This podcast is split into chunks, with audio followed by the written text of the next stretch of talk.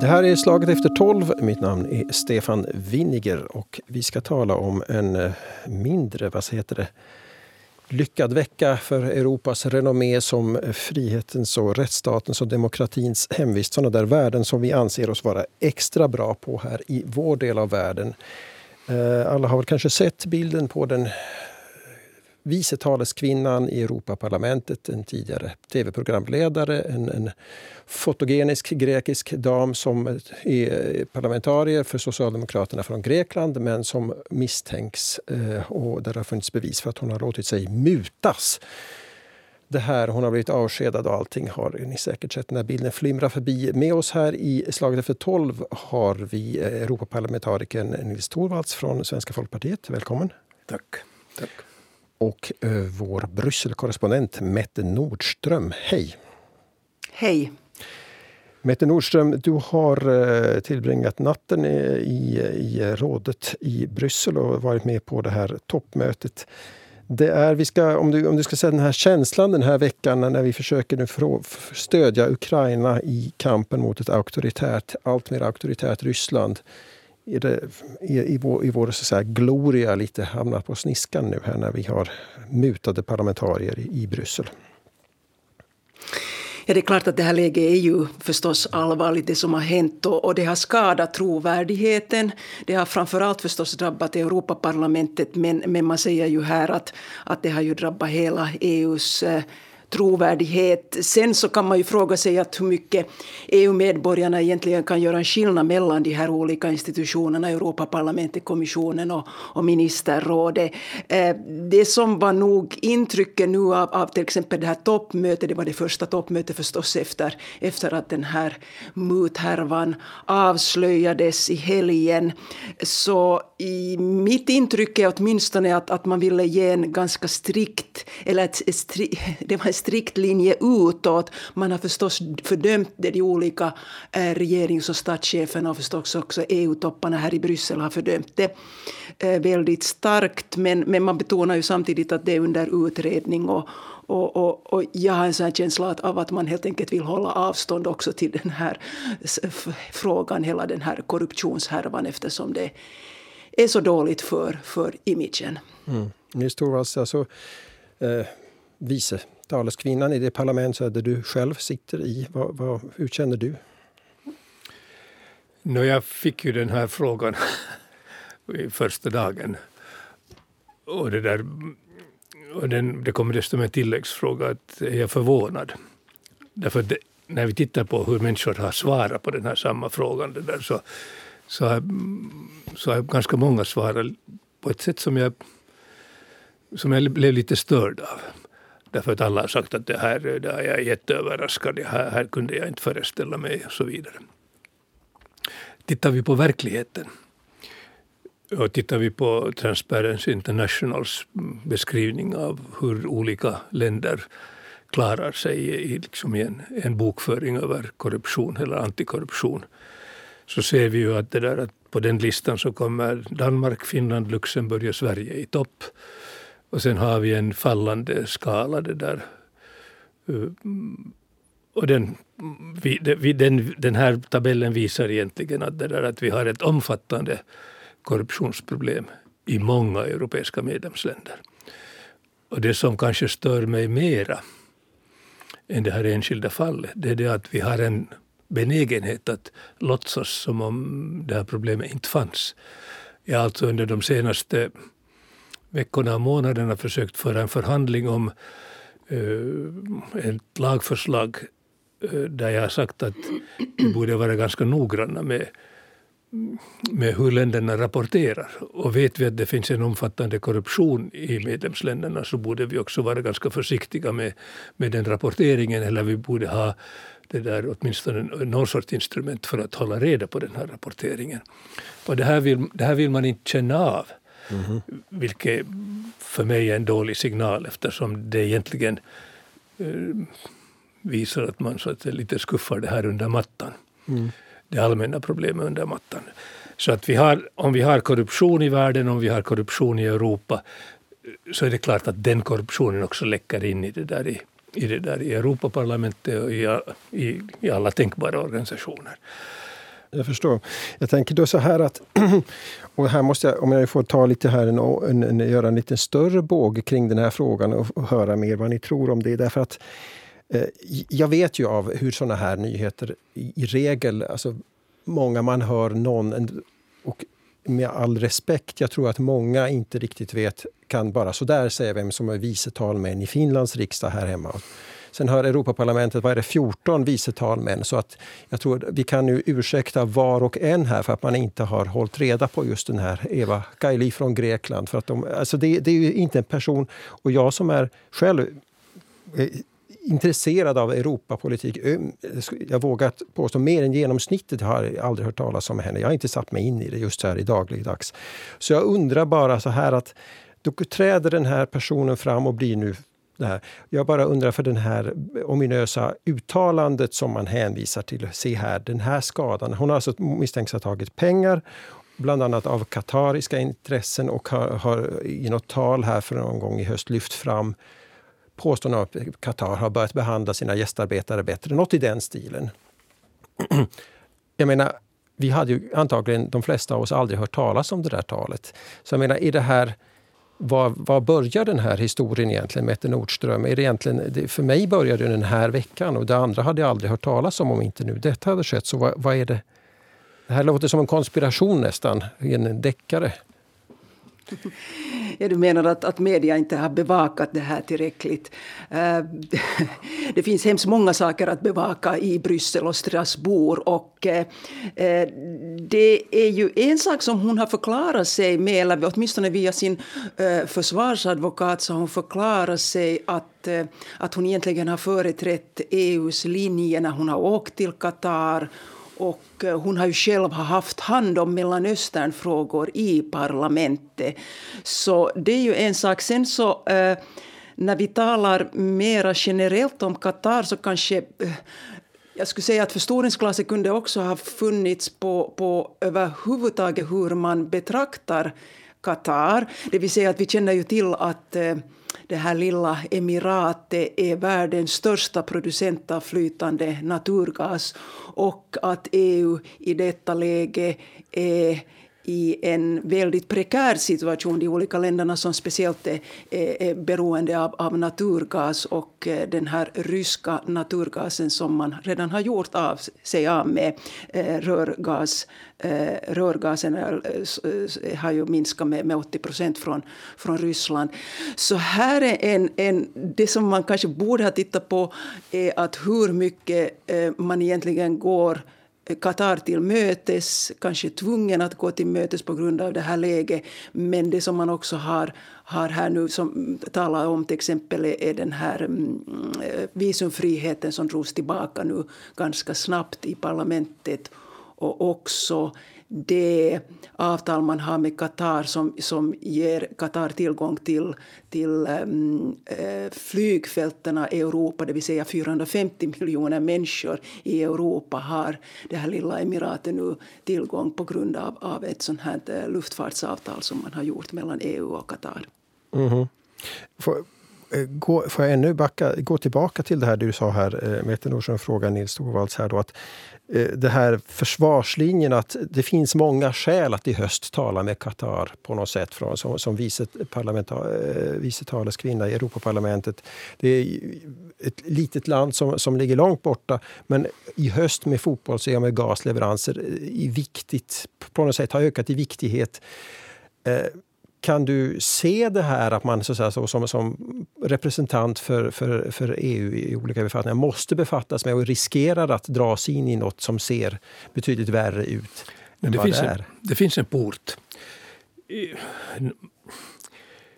Inom Europaparlamentet, så vid sidan av alla de officiella utskotten som behandlar lagstiftningsförslag, så finns det lite inofficiella och ganska okontrollerade vänskapsföreningar eller vänskapsgrupper. Mm. Så att det, där, det finns en vänskapsgrupp för Qatar, det finns en vänskapsgrupp för Marocko, det finns en vänskapsgrupp för, det där för Ryssland, det finns, en, det finns diverse olika vänskapsgrupper.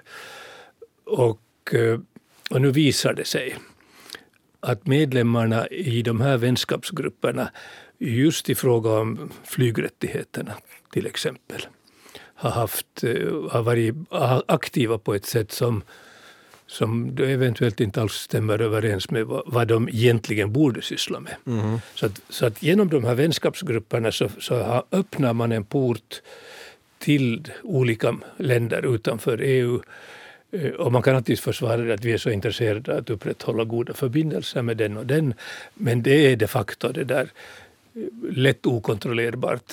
Och det visar sig nu mm. att de här vänskapsgrupperna uh, har fungerat, inte bara i förhållande till Qatar utan eventuellt också till några andra. Marocko har nämnts under de här utredningarna som inkörsportar för, för, det där, för den här korruptionen. Mm. Och när vi dessutom vet att det där att att eh, de här länderna som har lite väl mycket lösa pengar ofta köper sig in i olika sammanhang. Det. Och, det där, och, och, och, då är vi inne liksom i ett, inte bara ett grå område utan vi är inne i ett område som, som där, där möjligheterna att syssla med kriminell verksamhet blir överstora.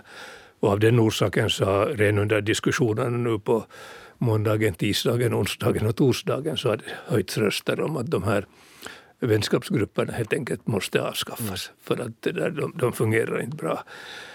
Mm. Det där det är ju inte för att inflika, det är ju inte exklusivt. Det finns ju i alla parlament, det finns också här i, i Finlands riksdag vänskaps USA-vängruppen och så vidare. och alla möjliga finns det då. Som, det, så det är ju inte unikt på så sätt att det finns ja, sådana grupper. Men, då, men då behöver, de be, behövde egentligen inte vara under så att säga beskydde av det där av institutioner, vare sig Finlands riksdag eller det där eller, mm. eller Europaparlamentet. Vi har en organisationsfrihet i Finland och det där och det är naturligtvis, det står också en riksdagsledamot så att säga fritt att, att grunda en liten grupp Mm. Men det är inte riksdagens grupp. Därför att då lånar man så att säga auktoritet, en institutionsauktoritet i den här gruppen. Och det är kanske inte riktigt. Nej. Och, det där, och därför tror jag att, att, där, att, att, att, vi måste se över de här reglerna och försöka täppa till de här hålen. Ehm, sen har vi en mycket mer intressant historia i bakgrunden. Jag är inte säker på att, eh, att Eva Kaili är den så att säga, den centrala figuren. På grund av sin position så får hon en central roll. Men det vi vet är att hennes sambo som är assistent inom, inom parlamentet, eh, han är assistent för en italiensk eh, parlamentariker. Och den parlamentarikern har en ganska intressant historia. Han är alltså han är hemma från Neapel.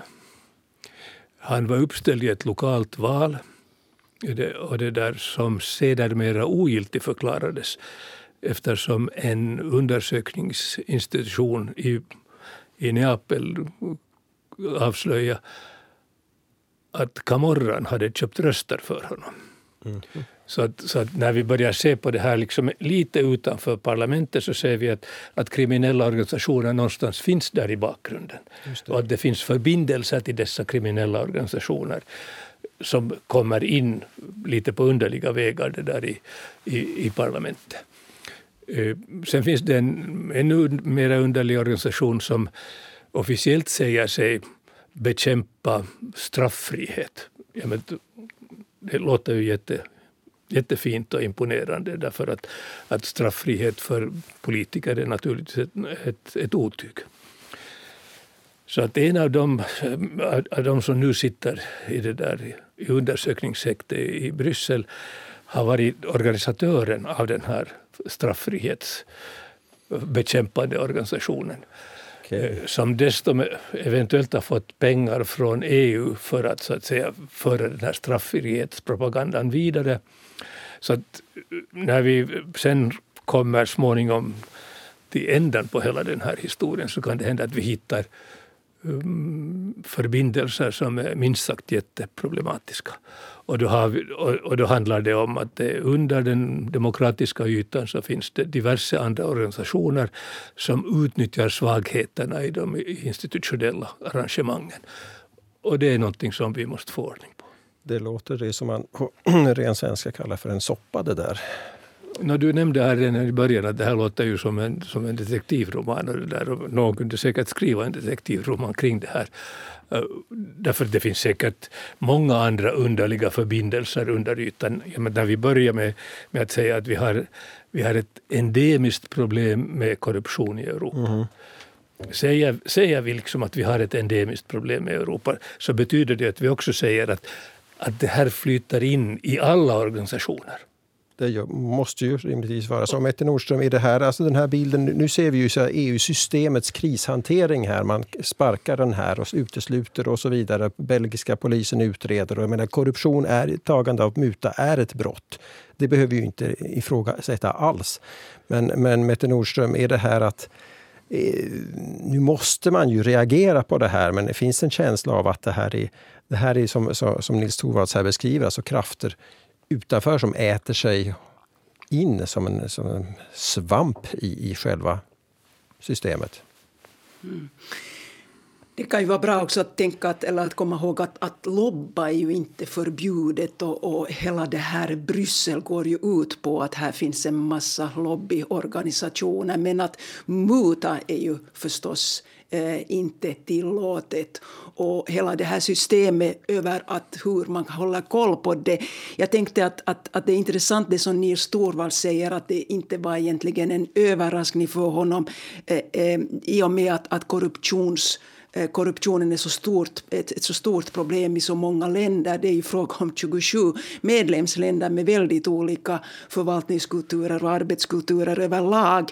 Men just det att eh, det är ett så stort problem i många länder så tänker jag bara att det, vilka följder har det just för åtgärderna? Och här är egentligen en fråga som jag har till Torvalds är att, att, att min uppfattning är att man nog har påtalat det till exempel i parlamentet flera gånger men att det egentligen inte har funnits den här viljan att eh, ta itu med frågor just när det gäller att ha koll på utländska aktörer, utländska stater, eh, gåvor, eh, vilken visselblåsarens eh, eh, situation och, och så vidare.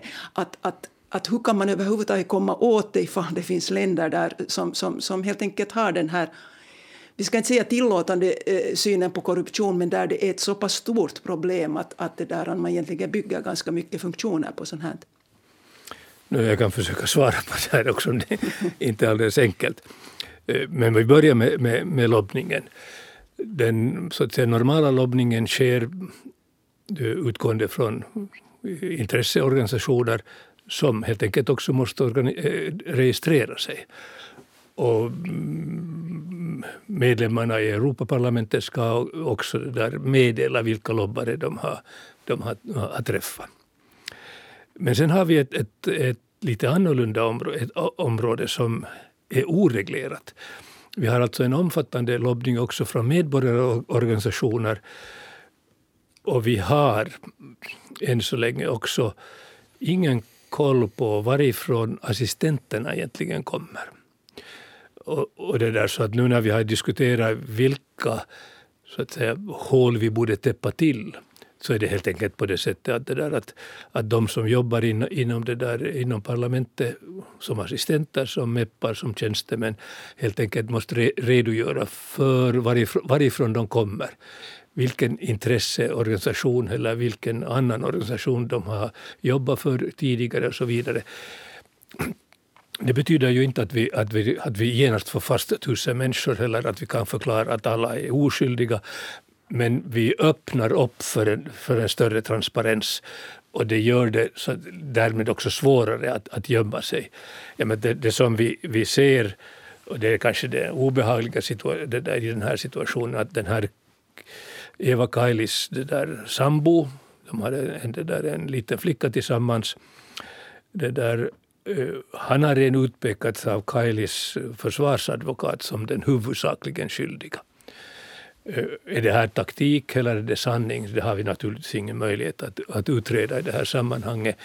Eh, men det ger också oss, en fingervisning om att det där att, att vi inte vet varifrån assistenten kommer mm. egentligen mm. och vilka intressen, personliga intressen han har i bakgrunden. Och sen måste vi komma ihåg, och det är kanske det mest obehagliga, att det där att eh, det här rör sig, de, pengar vi ser på bilderna. Det där, sedelbuntarna. Sedelbuntarna. Där, ja. Eh, det, där, det, det är alldeles så att säga nypressade sedelbuntar i den ursprungliga liksom, nummerserien. Mm. Vilket betyder att, att någon har beställt ja, men det finns regler på hur man beställer valuta och hur man beställer i, i sådana mängder. Så att vi kommer ju att veta vem det är som har utfört de här beställningarna mm. och, och, från vilket konto det här kommer. Och, och, det betyder att, att plötsligt så vet vi också att någonting liksom har spårats. Vi vet också att eller vi tror oss veta, nu ska vi vara lite försiktiga. Mm. vi tror oss veta att, det där att polisen har hållit på med den här undersökningen kring penningtvätt i två år. Eh, och i det ingår också det där eh, att man har spårat telefonsamtal, man har avlyssnat telefoner. Orsaken till att man slog till nu mm, berodde väl på att man visste att, det där, att nu finns pengarna i huset. Och då gäller inte den här, eh, den här uh, immunitetsregeln för, det där, för parlamentariker. Om det är liksom ett, inflagr, som det heter, inflagranti, om du så att säga kan ertappas i flagranti för ett brott, så då, då, då, då, är det där, då skjuts den här immunitetsregeln åt mm. sidan för tillfället och polisen kan så att säga ingripa. Men det att de visste om att, att de här pengarna sig, befann sig på det här stället, det antyder ju att uh, åklagarmyndigheterna i Belgien och i andra medlemsländer eventuellt sitter inne med oerhört mycket mer information som de naturligtvis inte släpper ur sig i det här skedet. Men det gör, det gör det också svårare för de som är inblandade att riktigt veta vad de borde säga, vad de inte kan säga eftersom det finns den möjligheten att de försöker komma med en billig förklaring i det första skedet som åklagarmyndigheterna redan vet att det är ren och skär lögn.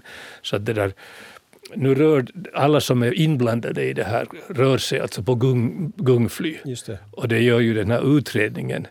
Och därför din första mening om att skriva en roman är, är det ja. ganska lockande. De rör sig på gungfly och vet inte vad de, kan, vad de tryggt kan säga. Och det gör deras försvarspolitik jättebesvärlig. Jag eh, hade faktiskt just tänkt återkomma då till min, min romanliknelse här. För det är ju på något sätt att man följer här med en historia och man inser hela tiden att det blir mer och mer komplicerat. Eh, och nu när vi då ser här hur, hur hur de här olika EU-institutionerna egentligen går in i försvarsmodus Eh, reparera reputationsskada, upprätta trovärdighet. Då brukar man i en sån här, när man är i en roman, ställa sig frågan vad, vems är det då fel? Är det så att säga institutionen, systemet som har möjliggjort att det här kan ske som är egentligen den huvudskyldiga eller är det den här den här, eh, du sa inflagrant i det som amerikanerna kallar för en smoking gun, den rykande pistolen som ertappas i någons hand på något sätt. Alltså den här mellan strukturen och aktören. Nu har vi en aktör. Och varför kan vi inte bara nöja oss med hon är en brottsling? Ut med henne och tack och nu fortsätter vi. Problemet här är att, att eh, en, jag menar, vilken som helst institution, också rundradion, YLE, mm Yle kan ha regler om hur, det där, hur Stefan Winiger ska bära sig åt. Det där. Det har Yle också, ja. ja. Men om Stefan Winiger plötsligt skulle inse att han egentligen kunde förtjäna några hundratusen extra med en olaglig verksamhet, med en kriminell verksamhet, mm -hmm. så har vare sig Yle eller någon annan motsvarande situation inga, inga som helst möjligheter att, att, så att, säga, att, att skydda sig mot kriminell verksamhet. Mm -hmm ja, men det, den kriminella verksamheten betyder ju att människan så att säga stiger ut utan, utanför det där regelverket och det där sköter sina saker på ett sätt som naturligtvis är förbjudet men där, där kontrollen, kontrollen helt enkelt inte kan finnas. Utan där måste vi, det är därför rättsstaten kommer in. Det är därför vi måste ha ett, ett, ett, ett rättsstatssystem som kan ingripa mot den här sortens mm. verksamhet. Mm. Så därför Eh, därför är, ser jag inte riktigt som, som det där som det här skulle vara så att säga, institutionernas fel. Institutionerna kan ha felaktiga, lite fel, felaktigt eller misslyckat regelverk. Ja, men det jag sa om de här vänskapsgrupperna tycker jag är ett misslyckat regelverk. Mm. Det där, eh, I synnerhet eftersom vi vet att, att det har framförts kritik mot dem tidigare. Så det här har inte, liksom, det har inte kommit ned, neddimpade framför oss som, som en jättestor överraskning. Ah, ja, det finns int, intressen i de här vänskapsgrupperna som vi inte ens kunde föreställa oss. Ja, men det är dumheter. Om jag ställer samma fråga till Mette Nordström. Det här, alltså det här att när systemet går i försvar att eh, nu har vi skadat Europaparlamentets trovärdighet. Kan, kan man inte bara säga att hon var en brottsling, är en brottsling, ut med henne. Det, det, vi ska se över rutinerna och det är inte liksom Förstår du vad jag menar? Min, min, att är det, är det, det, ser ut nu som om huvudskulden hamnar på, på den moraliska huvudskulden nästan hamnar på själva parlamentet. Hur, hur ser du på den diskussionen, Mette? Det var en ganska intressant eh, presskonferens här i Bryssel i måndags. Eh, det handlar om energi och kommissionsordförande von der Leyen, Ursula von der Leyen var där. Eh, och den hölls väldigt stramt. Det handlar förstås som sagt om energi men att, att här i slutet så får man ju ställa frågor, journalistkåren får ställa frågor. Och man tillät några frågor angående den här muthärvan. Och och eh, hon var väldigt mån om att eh, eh, poängtera att, att det här är under utredning och att hon kan inte tala så hemskt mycket om det på grund av att man då, här i flera av de här topparna säger att man kan också skada den här utredningen om man, om man på något sätt säger för mycket eller för fel eller fel saker eller nämner folk som inte som inte är skyldiga. Eh, det som hon sa så var ju det att, att, att just hon betonade här att att man behöver samma regler för alla EUs institutioner och att man också skulle behöva ett sånt etiskt organ. Eh, och hon har efteråt fått kritik för det här för att hon är egentligen den som för ganska länge sedan har föreslagit det här men det har inte gått framåt. Och då ställer man sig frågan då att, att varför, varför det inte har gått framåt. Och här kommer jag tillbaka till, igen till det att, att är det ens möjligt liksom med så här olika kulturer eh, mellan de 27 olika medlemsländerna att, att få till stånd sådana här regler. Antagligen är situationen annan nu eh, i och med att den här korruptionshärvan är så alarmerande. En annan sak som jag måste nu tillägga här att den här presskonferensen var intressant också av den orsaken att jag sa att det hölls väldigt stramt. Det väckte väldigt ljudliga protester i slutet från presskåren eh, när man försökte ganska snabbt avsluta det hela Ursula von der Leyen gick sen med på några extra frågor men det var nog en, en, en påtaglig försiktighet där. Hon tyckte att det där var jobbigt helt enkelt. Men samtidigt det där vi kan ju inte säga att en människa är en brottsling innan den är dömd. Och, och så att vi har ju också, det är ju därför vi har ett, som också ett, ett, en liten svårighet med liksom det där, när Europaparlamentets talman på måndagen inledde sessionen så var hon jätteförsiktig med vem, vem hon nämnde vad och vad hon inte nämnde och hur hon beskrev den hon nämnde. Därför att, att det där, så länge du inte är dömd så är du inte en brottsling. Mm. Och, det där, och därför, därför finns det jättemånga orsaker att vara försiktig. Jag tror att, att Metsola och jag tror att hon antydde det. Enligt, talmannen, huvudtalmannen alltså. Ja, enligt, enligt det där belgisk lag om en belgisk parlamentariker, nationell parlamentariker eller EU-parlamentariker utsätts för en husrannsakan så måste parlamentets ordförande, tal, talman, vara på plats. Mm -hmm. Så att uh, Metsola var ju då flyg, tvungen att flyga in till Bryssel för den här husrannsakan under ve veckoslutet. Och uh, då måste hon antagligen också ha fått så att säga mera kunskap om varför man gör den. Men därför var hon också oerhört försiktig för att inte säga någonting som eventuellt sen gör att, det där, att, att den här åklagarmyndighetens eh, det där, åtgärder det. det. där kommer liksom på, på, fel, på, på fel bok. Så, att, mm. där, så att, att, för de som sitter där uppe och är tvungna för att, att ansvara för hela den här institutionen, för dem är det naturligtvis jättemycket bes, mer besvärligt att uttala sig än för, för det där för Eh, enskilda EU-parlamentarikern Torvalds som naturligtvis också ska hålla sig till regelverket och inte så att säga stämpla någon som brotts, brottsling innan hen är dömd. Mette Nordström, du vill också kommentera det här? Nej, jag tänkte bara säga att precis att det var exakt, exakt den här motiveringen som Ursula von der Leyen hade, att man inte kan kan eh, säga så mycket under en pågående utredning men också det att det finns eh, vissa uppgifter om att, att EU-ledarna, alltså regerings och statscheferna skulle ha lite koordinerat också sina uttalanden när de kom igår till toppmöte för att de sa väldigt, väldigt liknande saker. Så, så det har också påverkat eh, statscheferna. Mm. Äh, det här.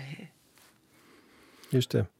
Det här, det här, det här, med andra ord alltså, det är lite moraliskt jobbig eh, baksmällevecka här för Europaparlamentet här när det uppdagas en korruptionshärva. Just när parlamentet ju tillhör dem alltså, som brukar kunna uttala sig ganska kärnfullt när det gäller så mänskliga rättigheter och demokrati och gärna vill stå på rätt sida.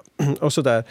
Och då kommer jag att tänka på att vi har ju sen, man vill vända sig särskilt i dessa tider av Ukraina-krig mot Ryssland och sådär, men vi har ju sen våra så här, våra tama autokrater också delvis inom Europa. Jag tänker då mest på, på Ungerns regeringschef Viktor Orbán som ju har alltså den här veckan... Hur har, han, hur har det sett ut den här veckan, Mette Nordström? Med den, med, med den här moraliska eh, bekymren? Ja, Orban var ju inte sen att, att eh, häckla Europaparlamentet för det här i och med att, att eh, Orban är ju själv och Ungern är ju själv utpekad som, som ett land där korruptionen är eh, ett stort problem och, och hela det här rättsstatsprincipen. Uh, Ungern var ju inte den enda som häcklade utan också Polen var ute och till exempel franska ytterhögerns eh, Marine Le Pen hade också saker att säga. Så, så det här blir ju intressant att följa med hur mycket det här spelar i händerna på euroskeptiker. Och eh, det här sker ju samtidigt också som, som vi vet så behöver EU ha den här enade fronten utåt när det gäller eh, just att, att, att stoppa Rysslands, Rysslands anfallskrig i Ukraina. Mm. Och där var det väl så att då när ni ska lyfta fram något som har gått framåt, att man har alltså i det här skedet nu den här veckan lyckats med förenade krafter köra över just Ungern som hade ännu ett här eh, satt sig på tvären mot ett nytt eh, stödpaket till Ukraina, eller hur? Ja. Och, och dessutom så fattar ju EU beslutet att inte dela ut pengarna till, till, till till Ungern och där finns det för hälften av den summan så finns det faktiskt en, en deadline att om de inte delas ut under det här året så då är de så att säga, då, då, försvinner de. Och sen bara vi hade en ganska intressant diskussion på, på onsdag kväll i gruppen därför att vi hade ju, vi hade ju en resolution kring, kring den här korruptionsskandalen. Eh, och där hade vi mm, en diskussion som handlade om vilka tillägg, och vilka tillägg från vilka grupper ska vi godkänna. Mm. Och då handlade det naturligtvis om mina franska kollegors ovilja att, att acceptera att, det där, att, att den franska ytterhögern skulle få så att säga rätt att säga till någonting här. Och där tror jag att, att, det där, att vi, en del av oss landar lite fel Eh, jag och några andra var av den åsikten att, att i en sån här situation så är det bäst att slå vakt om enigheten inom, inom eh, parlamentet och inte så att säga giftstämpla enskilda grupper av den orsaken att de, att de är så att säga olämpliga av någon, av någon nationell orsak. Mm. Eh, så att jag röstade faktiskt för det där, den, en del av, av det där, den franska ytterhögerns eh, tillägg bara för att signalera att, att, det där, att jag inte liksom vill utesluta någon från den här, den, här, den här tvätten. Och, det där, och sen kan man bara säga att, det där, att eh, resolutionen godkändes med en överväldigande majoritet. Det, fanns, det var en som röstade emot det. Mm. Och jag tror att han kom från Kroatien. Just det. Så att det där, men det är klart att det, där, att det du säger att det, det liksom att eh, också om, om det kanske visar sig att det är en eller två eller tre parlamentariker som så att säga är de skyldiga i det här sammanhanget så faller skuggan över hela institutionen. Det kommer att, vi kommer säkert att, så att, säga, att återkallas till den här ordningen ett antal gånger för det här kommer att användas som ett argument. Mm. Eh, Mette Nordström, det här till årets slut här, EU-säsongen börjar också ta snart julledigt här. Är det alltså den här enigheten som vi har behövt mer än någonsin här i år, som minister Thorvalds talar om här också. Att, är det här, har det här visat nu att, att det, det är den är viktigare nu att hålla ihop det parlamentet att, för att kunna... Ni minns det, jag var inne på den moraliska aspekten. Det här att, att, eh, att det är så viktigt att vi själva tar på oss, vi och vi och vi, säger jag här, men jag menar nu parlamentet och vi europeer, att vi tar på oss och säger den här rättar till den här glorian egentligen om att vi på riktigt står för de här värdena när vi har ett Ryssland på andra sidan gränsen här. Eller vad, vad säger du Mette? Mm. Alltså det har ju hela tiden här nu varit en balansgång med, mellan att, att försöka hålla Ungern på en demokratisk väg och, och följa rättsstatsprincipen men samtidigt också att, att få Ungern att, att stödja Ukraina-politiken och, och, just det här att stoppa Ryssland. Och problemet här är ju det att, att vissa beslut eh, kräver enhällighet som till exempel penningstöd till Ukraina och sanktioner mot Ryssland. Men att, att den här kompromissen nu senast, det, det vill säga det att, att, att det blev att man fryser en, en mindre del av, av Ungerns stödpengar eh, och att Ungern då i gengäld ska, ska ta itu med reformer. Så det har ju nog eh, betecknats som en, som en seger här. Och, och, och det att, att man för första gången så har EU egentligen kunnat stoppa stödpengar på grund av av problem med rättsstatsprincipen och, och man vill åtminstone här i Bryssel vill man se det som en, en, att, att, ett bevis för att EU faktiskt har metoder för att bestraffa problematiska medlemsländer. Men det som vi ju nog har sett av den här eh, enorma aktiviteten som har funnits nu här sedan den 24 februari eh, med olika åtgärder så det har ju nog med tiden blivit svårare. Energifrågan är hela tiden svårare eftersom de olika medlemsländerna har så olika energilösningar. Också det här sanktionspaketet, det här nionde sanktionspaketet som klubbades igenom igår kväll. Så det har ju också varit ganska problematiskt. Det som är det besvärliga i det här sammanhanget det är ju att, att det där att uh, ungerska sätt, det är inte de enda att uh, använda enhällighetsregeln för att tvinga fram eftergifter i en an, totalt annan fråga. Det är ju egentligen ett korrupt sätt att, att, att, mm. att, att, att förhandla. Man använder alltså hotet eh, som ett medel för att tvinga fram pengar för sig själv. Det ligger jättenära korruption överhuvudtaget. Så att i den meningen så har jag noll förståelse för det där för, för, det där för fall som Ungerns ledare eller någon annan ledare som fungerar enligt samma princip. Mm. Det är det som en, en allvarligare fall, eh, variant av det vi kallar för kohandel ja. här hemma.